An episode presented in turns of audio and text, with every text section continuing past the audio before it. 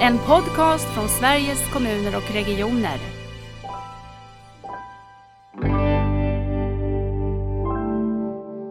Första gången jag såg den där bilden och hörde dig presenteras så grät jag, säger de.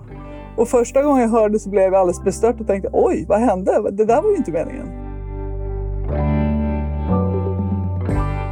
Så att jag använde tekniken för att kalibrera min egen kroppskänsla. Och där tror jag finns det något väldigt, väldigt starkt och viktigt i, i, i vardagsvetenskap.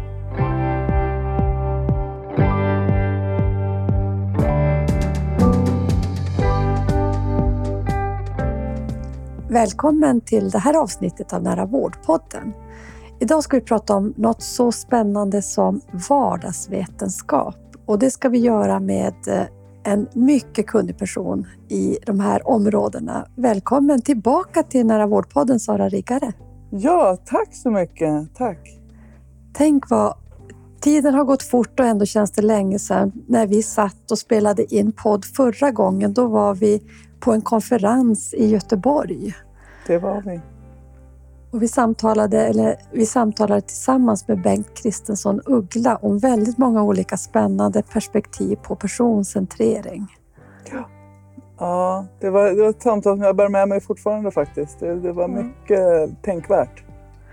Jag håller med. Och också eh, vid det samtalet tycker jag vi pratade väldigt mycket om, som jag kommer ihåg det i alla fall, om, om vetenskap och om kunskap och, och makt. Och...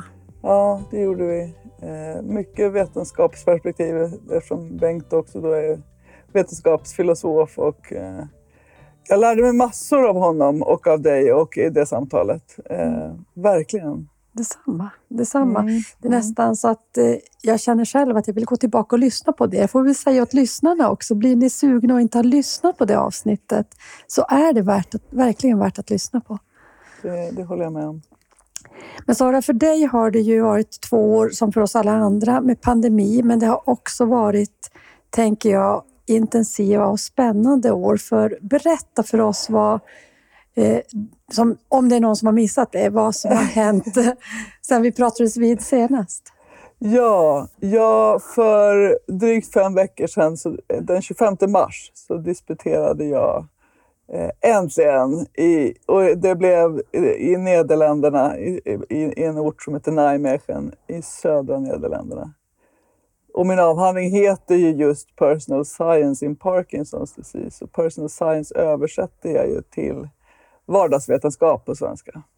Ja, det är spännande mm. begrepp och stort grattis från Tusen oss tack. alla. Tusen tack. Eh, det känns verkligen väldigt roligt. Jag har ju fått förmånen att få en, en signerad avhandling av dig ja. också. Ha den där och få bläddra i. Det känns jättehärligt. Jag tänker det kan ju vara någon som lyssnar och inte har träffat dig förut Sara och mm. som inte kanske ännu har lyssnat på den förra podden. Så berätta lite grann om dig själv. Ja, eh, jag är numera 51 år gammal. Eh, bor i Stockholms innerstad med eh, man, 19-åring och två katter. Eh, jag, kallar mig patient, jag, jag kallar mig patientforskare, jag kallar mig spetspatient. Och jag lever sedan över 35 år tillbaka med Parkinsons sjukdom. Mm. Eh, och jag vill väl se mig lite grann som en förändringsagent i hälso och sjukvårds och forskningssystemet. Eh, med då fokus hela tiden på den egna erfarenheten som resurs och som kunskapskälla eh, eh och, och, och drivkraft. Mm. Och jag kan säga, du, du vill se dig så och vi ser dig så. Ja, vad roligt att höra. Eh, jag tror att både din, din tid under din, eh, din, eh, din forskning har verkligen mm. spelat stor roll för att sätta fingret på det här med att vi bär på olika kunskaper in i systemet och att det måste tas om hand. Ja, och, och tack! Kul att du, du ser det också. Och jag har fått förmånen då att gräva mig ner också i den publicerade forskningen på området. Mm. Och det, det, finns ju väldigt tydligt när man tittar runt och hittar olika delar av forskningsfälten att det faktiskt är så att man har olika syn på till exempel egenvård vid kronisk sjukdom. Om, beroende på om man är kliniker, om man jobbar i vården eller om man är patient. Okej. Att, att klinikerna, det syns i forskningen att klinikerna ser egenvård som kopplat till det kliniska, till sjukdomen, till, till eh, symptom, till behandling och till att, att följa instruktioner och, och komma på besök och, och uppföljningar och annat. Mm. Medan vi som lever med de med sjukdomarna ser, ser egenvården som en, en, ett, ett verktyg för att leva ett gott liv med, med, med våra sjukdomar. Och inte bara begränsat till, det, till det, själva sjukdoms... Eh, det som sjukdomen kommer med, utan även konsekvenserna av sjukdomen. Och då tänker jag att om, eftersom det då är i forskningen... Det blir en blind fläck där då, tänker jag.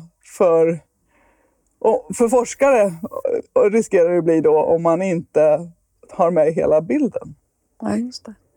Så vad spelar det för roll, tänker du också, i, en, en i ett möte mellan vården och, och, patienten? Att vi har olika syn på det här med vad som händer i den egna vården, eller vad jag ska kalla det? Ja, det riskerar ju att bli eh,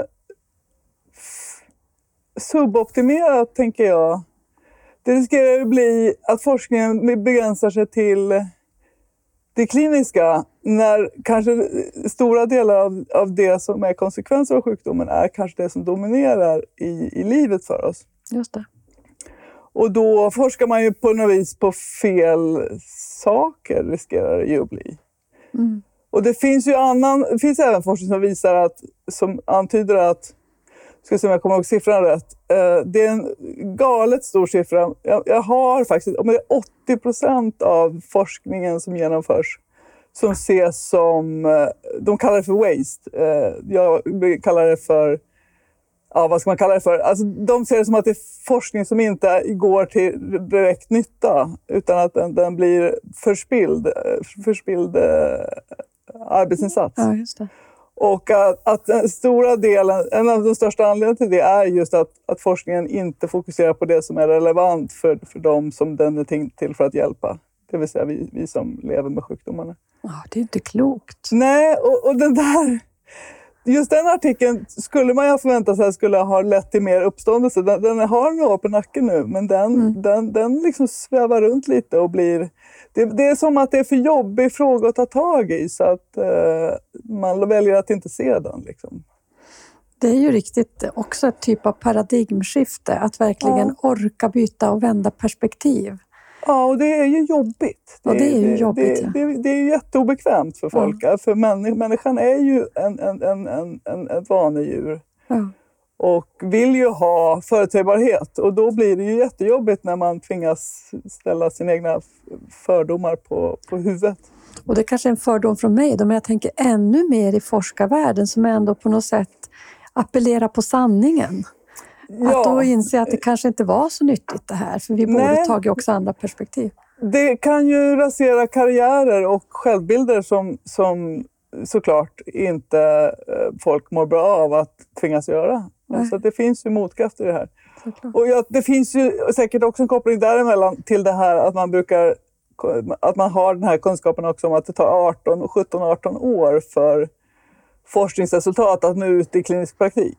Mm det finns ju, den trögheten finns ju säkert orsaker i det här med skillnaden på, på synsätt också. I det, tänker jag. Men säkert. Precis som i allt annat så är det både på något sätt kultur och annat. Och att det här, Vi får inte bortse från de här mänskliga faktorerna som spelar roll. Nej, nej, precis. Men tänker du att vi ändå är någonstans i en resa mot ett annat, bredare synsätt på vad vetenskap är och vad det är ju min absoluta förhoppning och jag ser ju en del och sen vet man ju, man är alltid i en egen filterbubbla på något sätt, men mm. man, jag ser ändå en del som jag tycker tecken på det mm. på olika håll. Uh, att det finns ändå en, en, eh, en ökad insikt om att vi måste alla allas perspektiv är viktiga och allas perspektiv måste få råda och få höras och få, få vara med och, och styra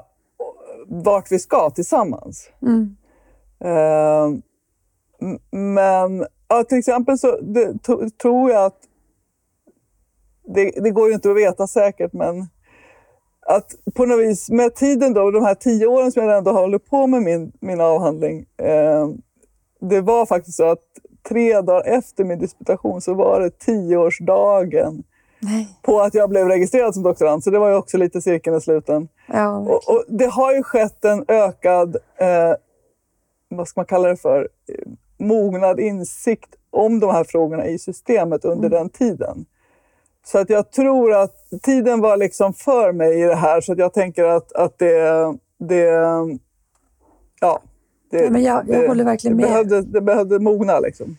Nej, men jag tänker också att ja, vi har varit i systemet både du och jag länge och, eh, och man får ha med sig den här eh, att vi, vi är våra bubblor men nog, nog sker det ett helt annat samtal idag. Det tycker jag om de här frågorna. Ja, det går åt rätt håll. Det går åt rätt säga. håll. Ja. Man är, vi är ju optimister. Ja, ja. Ja. Annars skulle vi inte orka fortsätta med det här. Nej, men absolut inte. Ja, ja. Nej, men nu måste du berätta, vad är då vardagsvetenskap? Ja, och, och, och det är ju ett ord... Jag har inte myntat ordet, men jag har väl... För jag har sett att det har... Om jag googlar på det så dyker det upp i olika sammanhang. Mm. Men, men jag är väl den första som har kopplat ihop det med det här fenomenet. Och fenomenet är inte heller nytt. Det som vi på engelska kallar personal science. Eh, och det är en, ett, ett, sätt att, det är ett sätt att strukturerat använda sina egna observationer för att besvara sina egna frågor. Mm. Eh, och det låter kanske enkelt, men det är faktiskt knepigare än man tror. Och, och just det här... Människan har gjort det här i alla tider, bokstavligt talat. Uh, förutom min avhandling så har jag också varit med och medförfattare på en, på en, en populärvetenskaplig bok. Uh, också på engelska än så länge. Om, om person science. Mhm. Som, en, som finns som e-bok. Och eh, i den boken så, så, så skriver vi om ursprunget, eller vad ska jag säga, historiskt lite grann. Och redan ett av de första eh, föremålen som man har hittat mä, mänsklig eh, verksamhet på, det är några, några ben. Man har- Jag har för mig att de är 14 000 år gamla eller 28 000 år gamla. Något sånt där, det gamla eh, skelettben som man har sett att någon har gjort skåror i Jaha. med, med, med, med något redskap. Så man ser att det där är någonting man har använt till att räkna någonting. Någonting man har trackat någonting med hjälp av de här benen. Det. Och man kan ju inte veta säkert såklart, men, men man ser att det är cykler på 28 dagar med några slags markeringar där. Och då finns det teorier som säger att, att eh, det där då har varit för att, för att eh, hålla koll på menstruationscykler. Ja, just det. Och jag tycker det är lite roligt. Man tänker sig nu att en self-tracker idag är en, en, en, ung man med massor med devices. Ja, Jag absolut. tycker då är det lite roligt att tänka sig att den första self-trackern kanske faktiskt var kvinna. Ja, Eh, tycker jag är kul. det tyckte jag också var kul. Ja, eh, och, och det där är ju vardagsvetenskap. Vardagsvetenskap kopplar alltid till det vi kallar tidsserier. Någon, någonting kopplat till tid. Jaha. Nu får du berätta lite mer. Ja, en dagbok till exempel kan ju vara en, ett sätt att, hålla, att, att reflektera över vad som har hänt och, och gå tillbaka och, och titta vad, hur, och jämföra. Ja, just Och det. det är en sorts tidsserie. Ja. Men det kan också vara hjärtfrekvensmätningar. Alltså EKG är också en tidsserie, för det är kopplat till, till tidpunkter hela tiden. Man jämför. Och, och, och, så att båda de sakerna kan användas för vardagsvetenskap. Mm. Eh, så att, och som sagt, det är inte nytt fenomen, men det, det, tack vare de framsteg som har gjorts inom teknik och analys, analysmöjligheter så finns det ju lätt, finns det nya sätt att göra det på som inte har funnits förut. Har du några forskare, några kollegor som jobbar med det här området i Sverige eller är det runt om i Eh, världen? Ja, eh, det finns väl inte jättemånga som, eftersom fenomenet inte är nytt, men eh, det här uttrycket personal science är, är, är ganska nytt för vetenskap. Att, överhuvudtaget så att använda det för det här, att koppla ihop det med det här fenomenet. Mm. Eh, Det finns en del forskare runt om i världen. Det finns några i Sverige. Eh, Men, men inte så många som jag kommer på på rak arm som, som jobbar med det från egen erfaren, eh, perspektiv. Ja. Utan det är mer att man studerar fenomenet utifrån för, som, som en mer traditionell forskare. Det finns några, några till, som, det finns några publikationer på det, men, men inte jättemånga än så länge. Är inte det extra svårt då om man ska forska på ett område som man får vara lite pionjär i också? Jo, det är klart att det är, men det är också väldigt roligt. Mm. Ja, det förstår jag. Det är spännande att bryta ny mark på det sättet. Det är klart att det är utmanande och eh, det är, eftersom man inte har någon upptrampad stig så är det klart att det är svårt att veta var, var, var gränserna går. Mm. Uh, och det kanske också är en, en, en, en, en, anledning till att det, har tagit, att det tog mig tio år. Det, Ja, precis. Fältet var på något vis tvungen att mogna också. Och även jag under tiden. Så för mig, det hade inte gått att lägga fram den här avhandlingen i det här formatet för några år sedan för att fältet var inte tillräckligt moget. Så det, tiden arbetade för mig på något vis. Eh, Jag tänker om du bara också sätter vardagsvetenskapen i någon typ av... eh, Inom vilket kunskapsfält Ja. placerar man det? Ja, det, det, det är en så här lite udda fågel. Eh, det, det, det är en del av det som kallas medborgarforskning eller citizen science. När det gäller vissa metoder, det här att, att personer utan traditionell, konventionell forskarvetenskaplig eh, eh, träning har, har, har en tydlig roll på det sättet. Men det är också ett tvärvetenskapligt fält på så sätt att det kan omfamna många olika områden beroende på vilka frågor det är som personen vill besvara för sig själv. Mm. Eh, medicin kommer ju nära till hand såklart eftersom det ofta handlar om hälsa. Dock inte alltid, men mycket av det vi gör handlar ju om vår hälsa på olika sätt. Ja. Men det kan också handla om eh, miljövetenskaper, för att det kan handla om att hur, eh, hur påverkar luftföroreningar mina, mina, mina, mina luftvägar. Just det. Då gäller det att man vet hur de omsätts i, i naturen och kan mäta det. Det kan också ha med, med samhällsvetenskap att göra beroende på om man tittar på sociala kontakter och hur det påverkar min hälsa på olika sätt. Och, och så vidare och så vidare. Så det är ett väldigt eh, spretigt men också dynamiskt fält skulle jag säga. Mm. Som, man, som jag tror man medvetet behöver undvika att spika fast i något annat fält. Utan det, det, det behöver liksom vara rörligt på det Och, sättet. ja, och kunna växa på något sätt åt det Ja, håll vi också behöver ja. i samhället, tänker jag. Exakt så. Ja. Ja. Men det skulle ju vara helt underbart om det gick att få fram lite mer eh, tydligt stöd för det här såklart i, i form av eh, det behövs stöd på så många sätt. Jag tänker dels utbildningsmässigt för personer som vill och kan och har möjlighet att utforska det här och behov. Ja, precis. Men också såklart eh, stöd i, hur man kan förstå fenomenet och hur man kan stötta personer. Så lite mer också på verktyg och vilka verktyg passar för vad och sådär. För att när man tänker då... eh, Förut så, det pratas om quantified self och det är Ja. liksom self-tracking och, och devices och så. Och personal science kommer ju av ur quantified self-rörelsens mångåriga arbete. Mm. Men eh, jag vill komma ifrån den här eh, eh, teknikfixeringen vid det. Mm. Eh, för att det handlar absolut om att tekniken kan eh, ge oss, kan boosta möjligheterna. Men det vi vill boosta är själva resonemangsförmågan. Det viktigaste människan har är sin förmåga att resonera över sin egen situation. Och där eh, tänker jag att en del av de här verktygen som vi har idag, och jag har själv flera stycken eh, olika typer av aktivitetsmätare och annat, Mm. men algoritmerna i dem på något vis tar bort vår, vår, vår resonemangsförmåga. De, tänk, de försöker tänka åt oss Just det.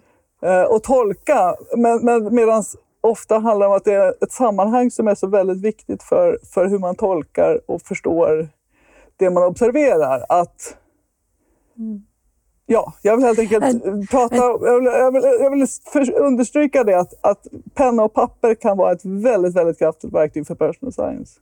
Och sen tänker jag det du säger nu, jag tänker att vi är i en stor förändringstid med hela digitaliseringen Ja, av vårt samhälle. ja. Mm. Hur viktigt att eh, lyfta de här perspektiven du har nu, de här resonemangstrådarna. Att faktiskt Ja. också, jag tänker det är lätt att titta på sitt, sin, sin tracker och så säga, "Nej, men jag har sovit dåligt, men hur känner jag mig? Alltså, alla de här andra parametrarna som vi inte heller får glömma bort och tro att tekniken bara svarar på allt. Exakt så. Och det kan ju vara så att man kan använda tekniken och mätningar för att, för att verifiera sin egen känsla och kanske kalibrera Verkligen. sin egen, sin egen kroppskänsla. Ja. Det, det är intressant, för det har faktiskt hänt för mig att eh, när jag började i Quantified Self-rörelsen, då var jag första gången jag var på den första Quantified Self Europakonferensen som var, det var 2011 Mm. i Amsterdam. Och innan den så hade jag, jag, jag hade en presentation under den konferensen där jag pratade om hur jag hade använt en, en, en app för påminnelser av, av när jag skulle ta mina mediciner för Parkinson. ja, just det. Och något väldigt oväntat inträffade med att jag använde den här appen. Det här var i, i smartphonens barndom, så det, var ju, det fanns ju inte lika mycket appar. Så det, var ganska, det var en, en, en, liksom en, en ganska ny sak att kunna göra. Men effekten av att jag använde appen gjorde att jag inte behövde använda appen. För att Okej, i och med att jag fick de här påminnelserna så lärde jag mig, utan att jag egentligen tänkte på det, hur det känns i kroppen när jag behöver ta nästa dos. Just det. Så att jag använder tekniken för att kalibrera min egen kroppskänsla. Just och det. där tror jag finns det något väldigt, väldigt starkt och viktigt i, i, i, vardagsvetenskap. Ja. Och den behöver också på något sätt finnas med i den här kombon i forskningen. Exakt så.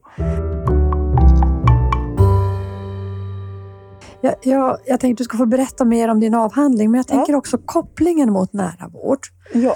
Den här omställningen och maktförskjutningen och intresset av de olika perspektiven för att skapa resultat. För jag tänker Ja. att de är grunder också i den nära vården och det här görs ju inte av sig själv. Men hur tänker du att det här kopplar? ja, jag tänker att den närmaste vården vi har är ju egenvården. Vi är ju oss själva närmast, det vet vi ju. Eh, Och ibland kan vi bli trötta på, på det, men, men det går ju liksom inte att komma ifrån. Och då tänker jag om vi går tillbaka till den här diskussionen vi hade för en stund sedan om, om den här skillnaden som jag, med, som jag gjorde en utläggning om, skillnaden i, i syn på egenvård Ja, i, i, hos kliniker respektive patienter. ja, Då tänker jag att den är ju viktig för det här. För att om, om, om man då vill stötta den, den närmaste vården, egenvården, så måste man göra det från de egenerfarnas perspektiv och inte från Mm. klinikernas perspektiv. Och där tänker jag att när, en del i nära vård är ju också, nu, ska jag prata om något så tråkigt som ekonomi, Mm. men det handlar också om, om ersättningssystem. mm, Och då måste man, eftersom man nu idag... Eh, det, man, det man har är ju... Vi har ju i hälso och sjukvårdslagen att man ska, att det ska, man ska stötta hälsa. ja. Men det vi betalar för i systemet är ju vårdinsatser för att Just det är det. liksom enklare att mäta. Just det. Vi behöver ju för att stötta hälsa också komma till att, att betala för egenvård, stöd till egenvård på olika sätt. Mm. Och där tänker jag, där finns det ett jättearbete som, det kan man ju inte tänka sig till. Det måste man ju börja testa. Vad funkar, vad funkar inte? Man skulle nästan, tycker jag, jag hör dig säga, behöva någon typ av, av testmiljö, Ja. lite frizon. För man måste också Ja. kunna våga testa och få Ja. misslyckas. Och, Och- det finns ju vissa eh, tester på det här försöket. Det finns de här hälsoobligationerna inom Region Stockholm. Man tittar på stöd till, till förebyggande för typ 2-diabetes. Och det är väl en bra början, men det, vi kan inte stanna där. Det, kan inte vara, det, det är inte hela lösningen. Eh, nej. För jag tänker att, och nu är det såklart, jag talar lite egen sak här för att jag själv lever med flera kroniska sjukdomar. Mm. Men jag tänker att ännu viktigare kanske än primärprevention Mm. tänker jag är sekundärprevention. Det vill säga att vi som redan har diagnoser Mm. eh, får hjälp att inte må sämre än vad vi måste. Nej, precis. Och jag tänker att där, för vi, vi det, det är hos oss som det också kan finnas en insikt, en mer eh, om att vi behöver göra saker själva. Mm. För jag tror, det finns ju också, jag brukar prata om forskning som visar att det är bara 10 procent av hälsan ungefär som kommer från Mm. hälso och sjukvården. Mm. Och det betyder ju att en högkvalitativ hälso och sjukvård är ju nödvändig, men inte tillräcklig för att vi ska uppnå hälsa. Nej. Det finns ju också de 50 procenten som vi inte kan göra så mycket åt av, av det som bidrar till hälsan. Social, arv, miljö och sociala aspekter. Mm. Men sen har vi de här 40 procenten som handlar om livsstil och beteenden. Mm. Eller det man kan kalla egenvård. Mm. Och jag tänker att det är där vi har en, en stor möjlighet. Och jag har också noterat att jag har en del stöd för det också. Att vi som redan har eh, en eller flera kroniska sjukdomar, vi är mer beredda att, att, att, att ta tag i det för att vi vet hur illa det kan gå om vi inte gör Just det. någonting själva. Du ser någon stöd i det i forskning också? Ja, ja. Mm. Får jag bara återkomma till det du säger, det här med på något sätt icke-händelserna om man skulle titta på saker ur vårdens perspektiv. Mm. För på din avhandling, på framsidan, så har du ju din underbara bild med prickarna. ja. Och ibland brukar jag tänka så här, man behöver ju variera sig när man är ute och pratar. Men det finns inga, jag säger det, det är verkligen som en, en eloge till att du har kunnat ta fram den där bilden, för det finns inte så många bilder som säger så mycket mer än den där. Den är så otroligt bra på det sättet. För jag Ja. tycker den belyser det du säger nu också. Att så länge vi har fokuset på den röda pricken som är mötet med vården och glömmer allt det andra, har ersättningssystem som bara tittar på den röda pricken, ja. så hamnar vi också eh, fel. Alltså det är ju de här prickarnas eh, perspektivskifte vi behöver göra. Ja, tack. Och, och jag är såklart väldigt glad och samtidigt lite sorgsen att, att du säger det. För att jag, jag, jag vet ju att det är så, att det är väldigt svårt att se de här. Och jag har hört, jag, jag har ju använt den här bilden i många år. Den första varianten gjorde jag 2013. Eh, den som är på min avhandling är faktiskt lite modifierad. Den är, den är flippad upp och ner och spegelvänd för att jag ska se att det är en annan typ. Men annars är det samma bild. Så det är också lite en rolig Det måste jag tänka på och Ja. titta på. Eh, och jag, det, det, jag vet att du använder den, jag vet att många andra både i Sverige och utomlands använder den jättemycket. Och det tycker jag är såklart är väldigt roligt att den har fått sån spridning. Ja. Jag, när jag gjorde den från början så var det egentligen bara för min egen skull. Okej. Jag tänkte, och jag fick inspiration från olika håll eh, och, och tänkte, men hur skulle det se ut då? Ja. Och sen har jag liksom, den har blivit en, en, nästan som en, en, en meme i sig eh, Ja, inom vissa verkligen. kretsar. Och, och jag, jag vet flera personer som har sagt att första gången jag såg den där bilden och hörde dig presenteras så grät jag, säger de. Ja. Och första gången jag hörde så blev jag alldeles bestört och tänkte oj, vad hände? Det där var ju inte meningen. Ja. Men sen tänkte jag, ja men det kanske är ett av de starkaste sätten att, att faktiskt uppnå en perspektivförändring. Verkligen. Eh, tänker jag. Den säger ju också så mycket annat. Den säger ju också att eh, den säger om kunskapsutveckling. Ja, men tittar vi blint på den röda fläcken och tror att det är där all kunskap Exakt. på något sätt utvecklas. Alltså man kan använda den till... Den, den är väldigt eh, eh, talande för det här perspektivskiftet. Ja, jag sitter här och tittar om jag använder inte den också hittar din många sätt. avhandling. Jag tänker, Ja, Eh, jag, jag har den här, titta. Eh, men det Ja, blir en spegelvänd. Ja. Vi, vi ser varandra, vi, när vi spelar in podd kan vi säga åt lyssnarna så kan vi också se på varandra även om Ja. vi inte sitter i samma rum, om ni undrar vad Ja. vi håller på med. ja. Nej, men precis. Den är, den är som sagt lite modifierad just av det skälet. Eh, eller inte av det skälet, men det, det passade bättre med en, en rak kant i överkant på, en, på ett bokomslag som du kan förstå.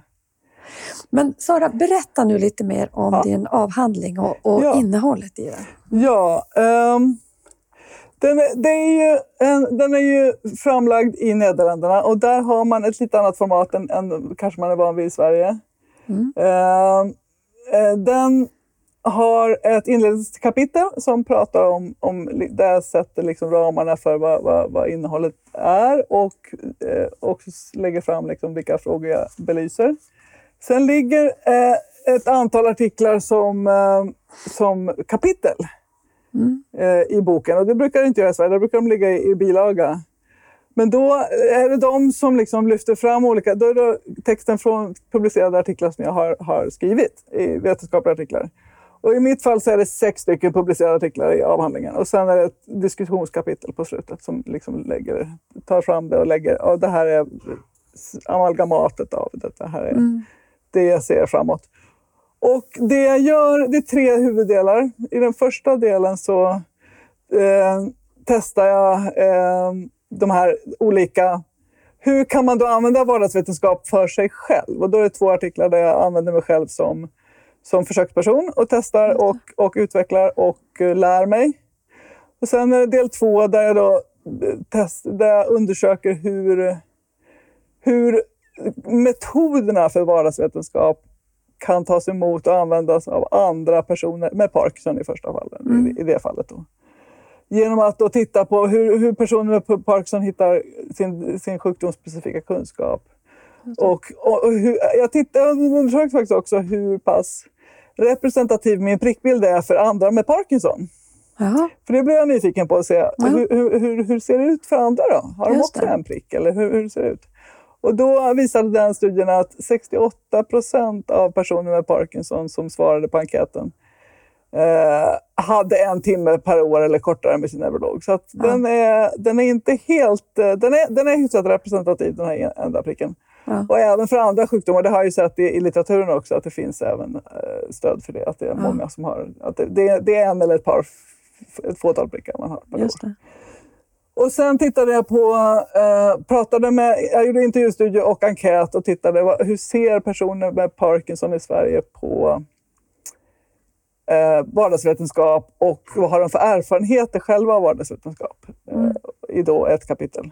Och sen i del tre av avhandlingen så tittar jag på lite mer bredare eh, när det gäller eh, patientforskare. Eh, och tittade på lite vad finns det för potential, vad finns det för motkrafter? Och sen det sista kapitlet av, av de artiklarna som är publicerade handlar då om eh, etiken i det här. Mm.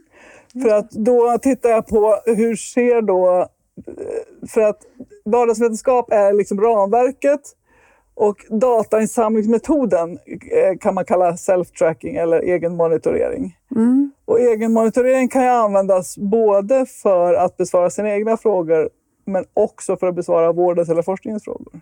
Det är liksom bara datainsamlingsmetoden, att man själv samlar in data om sig själv. Ja, och då tittar jag på eh, och kontrasterade det om man tänker sig att man använder egenmonitorering i, eh, i, för sig själv eller för att besvara vårdens eller forskningens frågor och hur, hur, hur de etiska ramverken som används idag inte funkar då för när man vill besvara sina egna frågor. Att de inte är anpassade för det syftet. Nähä. Så det var artikel nummer sex då i avhandlingen. Ja, just det. Är det därför att det egentligen inte finns, man har inte ens tänkt tanken att man ska ja. behöva tänka på de etiska ja. frågorna i de här? Ja, exakt. Mm. Det, det, är ju inte det som är syftet med de etiska ramverken för forskning. Det är ju för att skydda Nej. andra personer från forskarens idéer. Men mm. när, det, när det är samma person som är forskaren och, och, och, och försöksperson så blir det det, det, blir inte bra. Det funkar inte de bra marken helt enkelt. Nej, just det. Mm. Jag tänkte vi ska komma in på det egentligen. Vad behöver vi tänka ja. forskningsförutsättningar framåt? Men om du skulle säga någonting om din sammanfattande diskussion ja. i avhandlingen? Ja, och där är det just det här att jag försöker tydliggöra och, samma, och vrida och vända på det här. De här kontrasterna som finns just mellan personens egna frågor och hur de kan driva eh, det man undersöker framåt. Mm. Jämfört med om man bara, med, med citattecken i luften, äh, finner sig i att besvara de frågor som vården och forskningen säger är viktiga för en. Just det, äh, just det här att, att det gäller att man, man kan inte... Äh, eller jo, man kan, men, men, men det finns en stor potential i att eh, vara mer aktiv. Och, det, det, här, och kopplat till nära vård också i det sammanhanget, mm. så pratar man ju om att man ska gå från mottagare till medskapare. Mm. Och det finns en väldigt viktig punkt där i den processen som är en, en personlig insikt om att för, för var och en som lever med sjukdom att jag kan, jag kan inte vara passiv. Jag, för att jag ska kunna må så bra som möjligt så måste jag ta tag i saker och aktivt ställa frågor. Jag måste vara den som eh, tar kommandot, äh, tar, tar ratten. Mm. Och den där tidpunkten, det där tillfället eh, tror jag är helt avgörande för hur pass eh, man kan bidra både till sin egen hälsa och till till omgivningens eh, eh, sätt att hjälpa en. Eh, att man måste bli en aktiv, aktiv medskapare helt enkelt. För då tänker jag också, när du säger det, så tänker jag att det, din avhandling och det du har kommit fram till i din forskning, den behöver inte bara nå vården, inne i vården, den måste ju också nå människorna, ska jag säga. Alla, Ja. alla oss som på olika sätt lever med en kronisk sjukdom, för vi är ju många i Sverige idag som har någon typ av... Ja, vi är ju fler som lever med kroniska sjukdomar som inte gör det. Ja, Och ändå så ser man det som att det är undantaget. Kronisk sjukdom Ja. är liksom det som är icke-norm. Och, och där tänker jag att där finns det också en pedagogisk utmaning att, att, att jobba med. Och det, det finns ju det här att, att Dels det här som, om hälsa, att 10% av hälsan kommer från vården. Det, det är en Mm. pedagogisk utmaning som, som folk inte känner till. nej, precis. Och det andra är just det här att, att det är så många som mer än hälften som lever med en eller flera kroniska sjukdomar. Mm. Och att det är fler än hälften av dem, det vill säga det är fler som har flera, två eller flera. Just det. Så det är fler som är multisjuka än som är singelsjuka om vi ska hitta på det ordet. Ja. Men eh, och det är fler som är, är kroniskt sjuka än som inte är kroniskt sjuka. Och att vi måste, och det brukar pratas om det som ett problem och att det, att det måste hanteras, att det är en utmaning. Och det är klart det är det.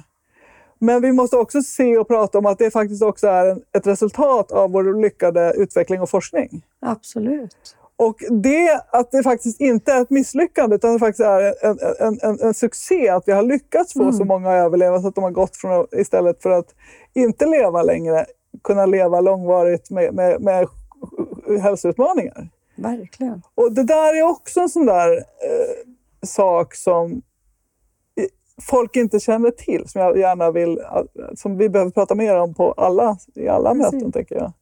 Sen tycker jag alltid det, för jag tycker också att det finns ju en stor potential i det här. I dina prickar, i viljan att även om man får slå följe med en sjukdom, ha, ha ett bra liv. Ja. Och den potentialen, den tycker jag är svår att prata om så det inte låter som att ja, men nu så skyfflar vi över allting på, på de enskilda. Och samtidigt Ja. finns det ju en kraft hos varje enskild som vi måste ta vara på och se som en resurs i systemet. Du sätter fingret på något jätteviktigt här. Mm. Och eh, det, det är precis det som är utmaningen. Att, att man på något vis får, får ta det ansvar. Man, man behöver få stöd i att ta det ansvar man, man, man klarar av. Men lite, lite mer. För att Mm. jag brukar citera Christian Farman ofta och, och han, han är ju den som har utvecklat tillsammans med en, en dialyssjuksköterska som heter Britt-Marie Bank självdialysen i Jönköping och han är en av mina förebilder och goda vänner. Mina Och han, han fick en fråga när han höll på att utveckla den här självdialysen och var- när han själv gick i dialys. Eh, och så var det en, en, en äldre dam som, som var lite orolig för det här. Hon, hon gick i dialys och undrade, kunde hon också lära sig köra den här maskinen precis som Christian gjorde? Var, hon inte, var det inte för svårt för henne? Mm. Och då sa Christian till henne, alla behöver inte göra allting men alla kan göra någonting. Just det. Och jag tänker att med rätt stöd så kan vi alla göra mer än vad vi gör idag. Ja. Och det är just det här rätt stöd, det måste styras av vad personen behöver, fast lite mer. Man måste liksom ha ett, en, en, en coach, ett coachande sätt att jobba och utforskande tillsammans. Och det där kräver ju både... Eh, ja, av, av båda inblandade kräver det jättemycket. Mm. Men jag tänker att vi kommer inte att kunna lösa framtidens problem med vård och omsorg utan detta Nej. eh, inslag. Och då, då måste vi också börja prata och, och jobba med det eh, redan nu såklart. Verkligen.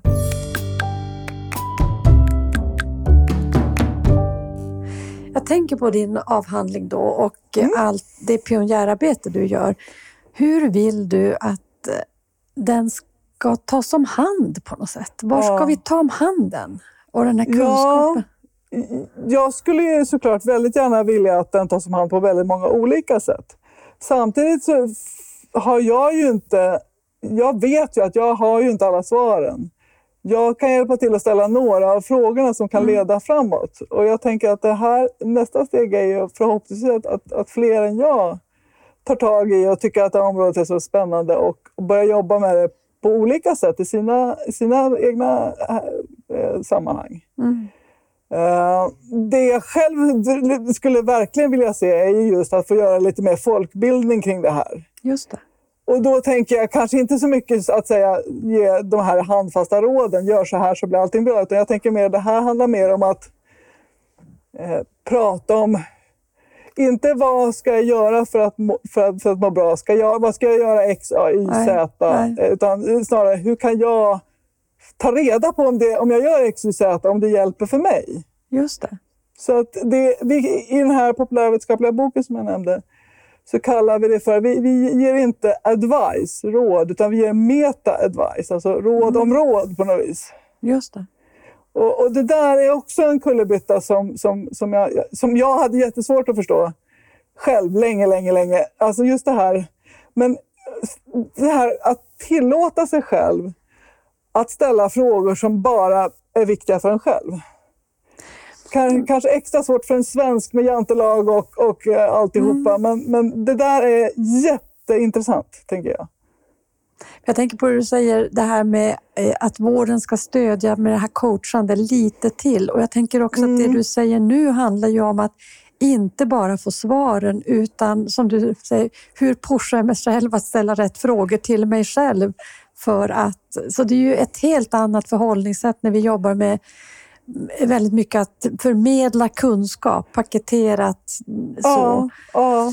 Hur tänker du att det kommer... Ja, förlåt, ja. kör. Jag tänker också att man, man måste också tänka på att för att det inte ska bli överväldigande, det kan ju finnas så många frågor, men det måste väl liksom vara en lagom svår fråga så att det blir greppbart och man måste känna att man har förmågan och verktygen och stödet att kunna utforska den så kan man stegvis komma längre och längre. För, för, att för tio år sedan så hade jag ju inte all den här kunskapen och kunde inte tänka mig att vara, att vara så här aktiv. Men Nej. så det behöver inte vara något statiskt, det kan liksom förändras. Just det. Och man måste ju också tänka på det. Det är ju personcentreringen för mig. Det är ju att se Ja. vilka förmågor och vilken, var, var befinner sig den enskilde och Exakt. kunna vara en del av det stödjandet. Ja.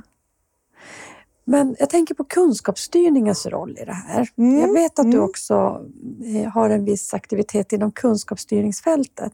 Ja.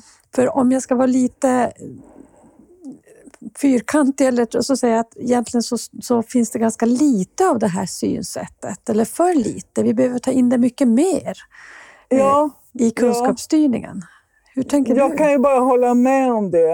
Eh, och, och kunskapsstyrningen är ju liksom ett första försök att strukturera kunskapsöverföringen mellan professionen på något vis. Mm.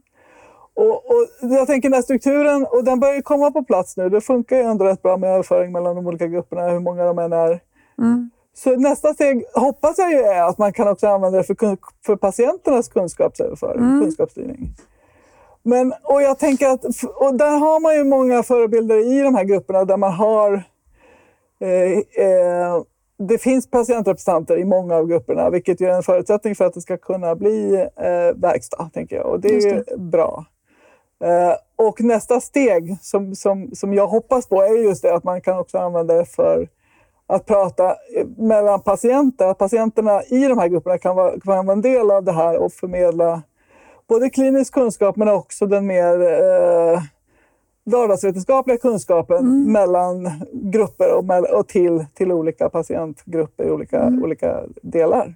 För jag tänker det, det gjorde mig sådär lite pirrig och glad. Jag tänker Ja. att om man skulle kunna tänka att den här kunskapsstyrningen vi håller på att bygga upp också har inslaget av vardagsvetenskap. Ja. Vad skulle det då hända med själva kunskapsstyrnings eh, sättet att tänka? Jag tänker att det skulle vitalisera på något sätt tänket och få in flera Ja. perspektiv. Ja, det skulle vara superspännande. Och, och där tänker jag igen, den här övergången från, från passiv mottagare till aktiv medskapare. Ja. Jag har gjort en, en, en, en grafik för den eh, och där är den här övergången symboliseras av en röd blixt. Ja. Att det sker liksom som en, en blixt, en insikt, en, en sån här eureka moment. Och jag, jag tror, eh, eh, jag känner mig ganska säker på att de som kan bidra mest i de här diskussionerna inom kunskapsstyrning bland, på patientsidan är de sådana, och det är väldigt många som har, har gått över den här röda blixtskiftet. Och att jag tror att det är de man, man måste ha med sig i det här, de som faktiskt har sett sin egen roll i det här och lever den varje dag. Mm. Och jag tror att det där är något vi också behöver prata mer om. Hur man kan hjälpa folk att, att se sin Se. egen röda blixt. För jag tror att det där är liksom väldigt personligt. För jag tänker inte det som är den här lite folkbildningsinsatsen om vi ändå Jo. tänker att så stor del av, av oss svenskar lever med någon typ av kronisk sjukdom. Jo, jag tror ju det. Jag vill ju Ja. tro det. Att, att det finns någonting väldigt, eh, väldigt viktigt och väldigt starkt där som bara väntar på att få, få, få, få veckla ut sig. Liksom. Mm. Jag hoppas ju det. Mm. Om vi går tillbaka, dels har Mm. jag varit lite nyfiken kring varför blev det eh, eh, Holland när du skulle disputera? Är de mer Ja. eh, mogna för detta? Eller? Eh, dels tror jag faktiskt det. Eh, men det tror jag inte varken de eller jag hade riktigt insett. Det var så här att jag fick ju en möjlighet att... Eh, jag- fick ett samtal faktiskt en, en lördag eftermiddag här på min mobil eh, för några år sedan. Eh, från eh, en av världens mest patientcentrerade Parkinson-neurologer som då heter Bas Blom Mm. som jag har känt och följt i, i, i många, många år, sedan 2011 eller någonting. 2012. Eh, och han eh, gav mig ett erbjudande som jag inte kunde tacka nej till. Han sa, vill du inte komma hit och göra klart eh, din, din doktorsexamen här med mig? Mm. Och då var, hade han... Och det var han och en ny kollega till honom som jag kände från, från Quantified Self-rörelsen som hade nyligen börjat på samma, eh, samma, samma universitet som, som BAS. Mm. Så de två bjöd in mig att, att, att göra klart där. Sen var, var, blev det ju inte så mycket att jag kom dit. Det kom ju en pandemi emellan. Ja, Eh, men det gick ju bra ändå. Vi lärde oss ju alla väldigt snabbt att, att kunna jobba på distans och eh, med den äran. Och eh, faktiskt när jag var nere nu i mars Ja. så var det första gången jag var i Nijmegen sedan 2012. Så att det var också... Sen 2012. Ja, faktiskt. Ja. Men det känns, det är ju det som är så häftigt med att, att kunna, att det här ändå online, eh, digitala har, har, fast, har gjort möjlighet, möjligt för oss alla. ja, på det sättet har det gjort Eh, världen mindre. Ja, Det ja, får man ju säga. ja. En annan sak som är lite annorlunda i just Nederländerna jämfört med Sverige är ju hur ceremoniellt det är, själva, själva, själva den här ja, själva händelsen. Mhm. Eh, och jag har kommit fram till att i Sverige skiljer man ju på själva disputationen och promoveringen. Just det. Där promoveringen är pompa och ståt och, och stadshuset i Stockholm då, och med, med, all, med fina kläder och så. Ja. Och i, i, i Nederländerna gör man båda i samma lite grann. Ja. Där eh, det är en, eh, en eh, kommitté som eh, granskar och diskuterar då med det, det promovenda, som det, de använder till och med det ordet. Promovenda. Ja. Ja, det, det är då den, doktoranden i, som, som, den som försvarar sin avhandling. Och det, ceremonin börjar i Nederländerna, i Nijmegen just som är ett katolskt, Radboud är ett katolskt universitet. Så då, de har de här långa kåporna och hattar, det är lite Hogwarts-känsla över det. Ja. Och de kommer, det kommer in en person med en, med en utsidad stav, Nej. slår den i golvet och säger på latin nu börjar det. Jaha. Och så är det då den här rektorn då som, som läser en bön på latin och så är det en ceremoni. På och så efter prick en timme så kommer den här personen med staven in tillbaka igen och slår den i golvet och säger Hora est, timmen är slagen. Och då, då är det slut, mitt i en mening. Han avbryter liksom. Nej. Och så är det de här kåporna då som är väldigt tjusigt. Och det var extra roligt, för om man då är från ett annat universitet och inte har någon sån här kåpa så kan man få, få en lånekåpa. Så man, de har liksom, Hade du det? Nej, inte jag, för jag, Nej. jag, jag, jag är inte invigd ändå, utan jag, är, Nej, jag har då vanliga kläder. Ja, Den här kommittén har då lånekoppar om de ja. vill. Och då hängde de i ett skåp där, från 1,55 i lä- längd till 2,10 så hängde de liksom i längdordning. Det var också lite roligt. Nej, det var väldigt, väldigt roligt och tjusigt. Och, ehm, Hur nervös var du? Uh, alltså jag var eh, taggad men inte supernervös. Nej. såklart var jag taggad. Jag har ju förberett mig för det här i, i länge, länge, länge. Ja, ja. Men nej, jag var inte nervös. Jag var, jag var laddad eh, och väldigt, väldigt glad. Mm. Fantastiskt. Det är ju Ja, ja. underbart att höra. Och om man vill så kan man ju faktiskt se det eh, hela. Om man har lust att se hela ceremonin så finns den på, på, min, på, på min hemsida. eh, Filmen från det Mm. också, Youtube. Ja, men så kan man kika på det. Första tio minuterna är min presentation, sen är det diskussion med, med kommittén. Jag tänker, varför jag frågar om Holland också, om de är mer Ja. förberedda. För att jag tänker att Holland är ju en av de länder, tycker jag, som man sneglar på när, man, eh, när vi tänker på nära vård. Mm. Att det finns mycket kring integrated care och att de Ja. också och, och, och eh, person-centered också. Så. Absolut, de är duktiga där. Det är de absolut. Ja. Eh, det finns mycket att lära av dem och vice versa skulle jag säga. Så att jag tänker att vi behöver lära av varandra. Eh, det bästa av, av våra, våra egna system går ju att, att, att, att ta in till andra ställen. Ja, det, det finns absolut mycket att lära från, från Holland. Det, någonting som jag också skulle vilja innan vi avrundar komma in på, det är forskningsförutsättningar. Du var inne Mm. lite grann på det. Vi har börjat titta på det mycket utifrån ett nära vårdperspektiv. Att hur ser vi till att det finns infrastruktur för sån här an, annan forskning än det vi Mm. traditionellt gör som randomiserade studier? Ja. Och hur på något sätt eh, ser vi till att det finns medel att söka? Hur, vad tänker du när det handlar om vardagsvetenskap och eh, nya sätt att se på kunskap? Hur stödjer vår forskningsinfrastruktur det här och hur vill vi ha det? Ja, det är ju en väldigt intressant och, och viktig fråga, tycker jag såklart, som forskare. Och, eh, det har ju... En annan anledning till att det har tagit tio år för mig är just att det har varit ett svårt område att hitta, att hitta medel i. Mm, Så jag har liksom fått trolla lite med knäna här och där.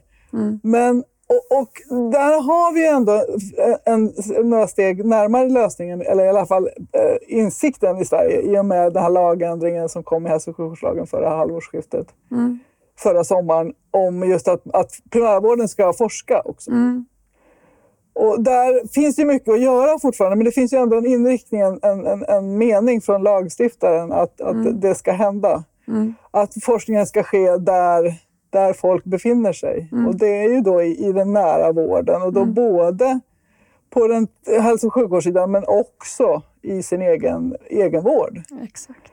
Och eh, självklart så behövs det mer både infrastruktur och medel där, för det är ju ett område som idag inte finns. Nej. Och även där tror jag att man måste vara väldigt eh, eh, ödmjuk och säga att man, man, man kan inte veta vad man behöver förrän man har förstått frågorna lite bättre. Så jag tror det, det måste ske ett väldigt iterativt och eh, agilt arbete där också. Innan man, så man ska inte låsa fast sig för tidigt, tänker jag. Nej. Men en sak som är helt säker, det sker ju väldigt mycket inom precisionsmedicin och väldigt spännande saker på olika sätt i Sverige. Vi ligger långt fram där. Men i- i många fall tycker jag att man har glömt bort eh, mottagarna i det här. Just det. För det går ju inte att uppnå precisionsmedicin utan aktiva engagerade patienter. Nej. Och det gäller även i nära vård. Vi måste ju ha med de här eh, spetspatienterna, de här kunniga eh, patienterna och närstående som är intresserade av att, att, att, att bidra i frågorna. Verkligen. För att då till allas bästa. Mm. Och där krävs det också ett arbete med både finansiering och, och infrastruktur. Mm. Det pågår vissa delar, vissa, det har börjat en del projekt, men det, det finns mycket kvar att göra där. Men jag, jag tänkte nu med, med, vad heter det, och att ha i åtanke att man är i en bubbla, men jag tycker ändå att jag ser också ett större intresse. Ja. Vetenskapsrådet fick pengar för primärvårdsforskning i senaste forskningsproppen och jag tycker att det samtal vi har med ämnesrådet på Vetenskapsrådet är ändå ett öppet intresse. Och jag, så jag tycker att det finns i olika sammanhang, hör jag att det finns ett intresse. Sen tänker jag att det här är också ganska trögrörliga system. Oh ja. Så vi får nog jobba håller- på dem ganska hårt. Jag håller med om att intresset finns, nyfikenheten finns, Ja. men sen eh, lite vägen framåt är fortfarande rätt oklar. Ja. Och jag tror att det är någonting i det du sa, att vi kan heller inte veta allting innan. Nej. Och det är väl det som också gör det svårt eftersom det här är lite mer sån struktur på det att eh, det inte riktigt passar in det här lite mer nyfikna.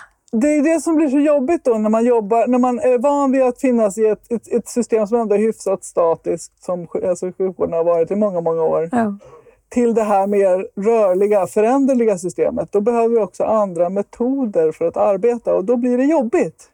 Människan gillar inte osäkerhet och människan gillar, komplexitet är jättejobbigt för människan att, att, att, att få förstå och befinna sig i. Det, det Ja. tar emot. Ja, så är det. Mm.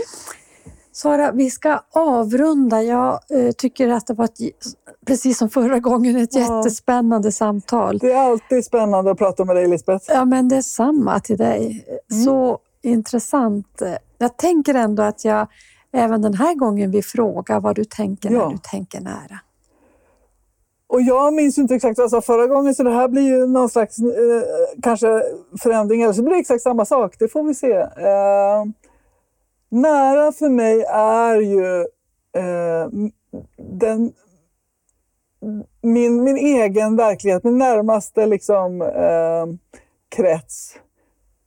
Och att jag, har, att jag kan ha det stöd jag, har, jag behöver nära mig för att kunna leva det liv jag vill även i närvaro av mina komplexa sjukdomar. Mm.